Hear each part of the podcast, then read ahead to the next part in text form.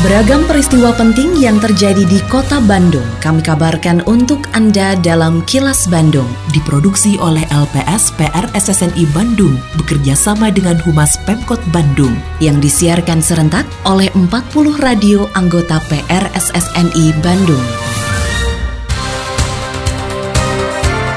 Sejumlah informasi aktual kami hadirkan untuk Anda dan inilah informasi utamanya.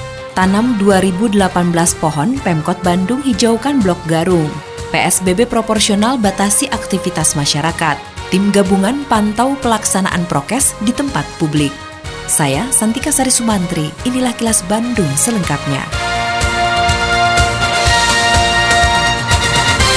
Pemerintah Kota Bandung menanam sebanyak 2018 pohon di kawasan di Blok Garung atau Kanhai Bike Park, Kelurahan Palasari, Kecamatan Cibiru. Penanaman ribuan pohon dilakukan dalam rangka memperingati Hari Sejuta Pohon Sedunia. Jenis pohon yang ditanam merupakan tanaman keras dan produktif di antaranya pohon albasia, karet, katapang, dan kopi. Usai melakukan tanam pohon bersama Satgas Citarum Harum Sektor 22 dan warga pada Selasa kemarin, Wakil Wali Kota Bandung Yana Mulyana mengatakan, penanaman pohon ini juga untuk meningkatkan daerah resapan air di kawasan Bandung Timur sebagai upaya mencegah terjadinya banjir. Yana berharap upaya ini bisa berkelanjutan karena manfaatnya sangat besar terhadap perbaikan lingkungan. Yana juga memastikan pemerintah kota Bandung berupaya menanam pohon di sejumlah daerah, di antaranya kawasan Mbah Celeng, Mbah Garut, dan Cisurupan kita sudah berjalan setahun lebih lah, hampir dua tahun melakukan aktivasi penanaman pohon-pohon terutama pohon-pohon produktif. Jadi dengan harapannya masyarakat juga ikut menikmati hasil dari apa yang ditanam, tapi kita juga mendapat dampak perbaikan lingkungan terutama untuk daerah serapan air sehingga mudah-mudahan bisa mengurangi dampak banjir yang biasa melanda ke wilayah lebih rendah ya ke selatan. Nah, jadi hari ini dalam rangka kita juga memperingati Hari Sejuta Pohon. Wakil Wali Kota Bandung Yana Mulyana mengatakan, terhitung mulai 11 sampai 25 Januari 2021, pemerintah Kota Bandung kembali memberlakukan pembatasan sosial berskala besar atau PSBB proporsional. Penerapan tersebut terbit menyusul adanya pemberlakuan pembatasan kegiatan masyarakat atau PPKM yang ditetapkan pemerintah pusat pada periode yang sama. Menurut Yana, dalam pemberlakuan PSBB proporsional tersebut dilakukan sejumlah pembatasan terhadap kegiatan masyarakat, termasuk pembatasan waktu operasional tempat usaha yang direlaksasi. Yana mengatakan inti dari aturan PSBB dan PPKM sama, sehingga Kota Bandung tetap menjalankan instruksi pemerintah pusat dan surat edaran Gubernur Provinsi Jawa Barat. Jadi sebetulnya kita batasi jam operasional, kemudian kita batasi juga kapasitas tempat yang kita beri relaksasi, entah itu tempat kegiatan ekonomi, kegiatan sosial, kegiatan budaya semua. Sebenarnya sama, kan itu pelaksanaan pembatasan kegiatan masyarakat. Ini pembatasan sosial berskala besar. Ya. Sebetulnya inti ini konten di perwalnya Pak Wali juga itu kan pasti mengadopsi pergub dan yang dari pemerintah pusat.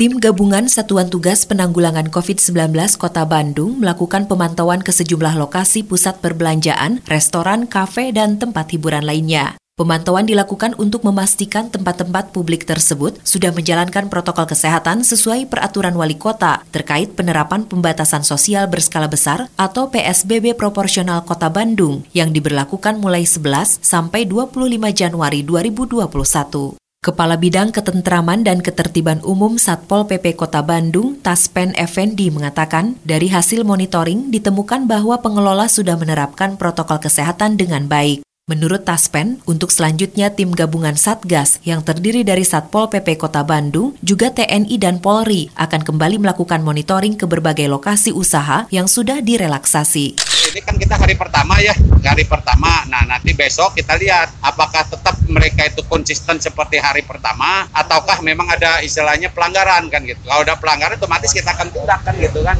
Nah nanti setelah dari sini sesuai dengan jadwal dijalankan kepolisian, bahwasanya mungkin kita nanti ada si sifatnya sekarang mal-mal dua hari hari itu apa ketiganya mungkin bisa hotel dan sebagainya dan juga bisa tempat hiburan dan sebagainya atau tempat pertemuan-pertemuan atau tempat ibadah dan sebagainya bisa saja terjadi begitu.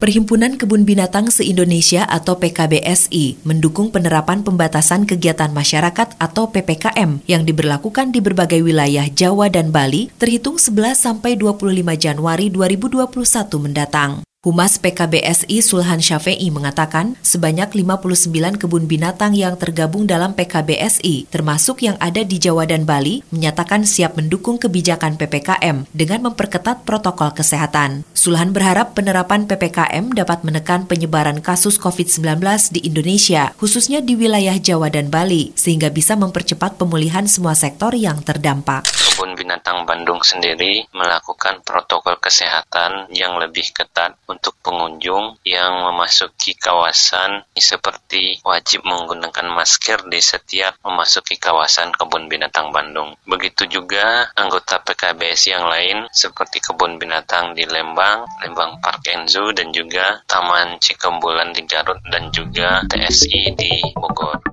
Sebanyak 15 juta dosis bahan baku vaksin Sinovac asal Cina tiba di PT Bio Farma Bandung pada Selasa malam. Dengan bahan baku vaksin tersebut, Bio Farma akan segera memproduksi vaksin COVID-19 selama satu bulan yang dimulai pada 14 Januari. Kepala Bidang Komunikasi Bio Farma Iwan Setiawan mengatakan bahan baku vaksin tersebut merupakan kiriman ketiga yang diterima Bio Farma karena sebelumnya sudah menerima 3 juta vaksin Sinovac jadi pada 6 dan 31 Desember 2020. Dari 3 juta vaksin tersebut, 1 juta dosis di antaranya sudah didistribusikan ke hampir semua provinsi yang merupakan bagian dari pemberian vaksin tahap pertama bagi tenaga kesehatan. Iwan memperkirakan produksi vaksin akan selesai pada akhir Februari mendatang dan dapat didistribusikan ke masyarakat. Sebetulnya tahap yang ketiga, tetapi ini untuk yang eh, produk setengah jadi atau bulk ya. Ini sekarang kita terima 15 juta dosis yang kemudian nanti akan selanjutnya akan dilakukan eh, produk akhir di Bio Farma. Jadi nanti akan dilakukan formulasi, kemudian filling dan packaging. Kini audio podcast siaran Kilas Bandung dan berbagai informasi menarik lainnya bisa Anda akses di laman kilasbandungnews.com.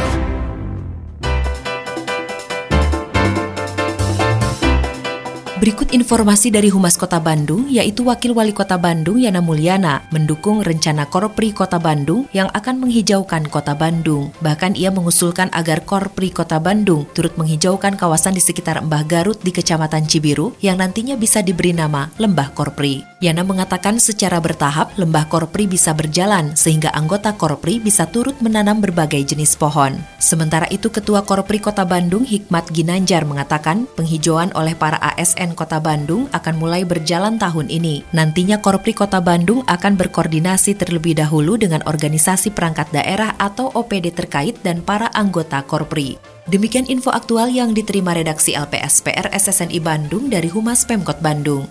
Tetap patuhi protokol kesehatan di masa adaptasi kebiasaan baru untuk memutus penyebaran virus corona dengan selalu memakai masker, mencuci tangan dan menjaga jarak serta tidak berkerumun.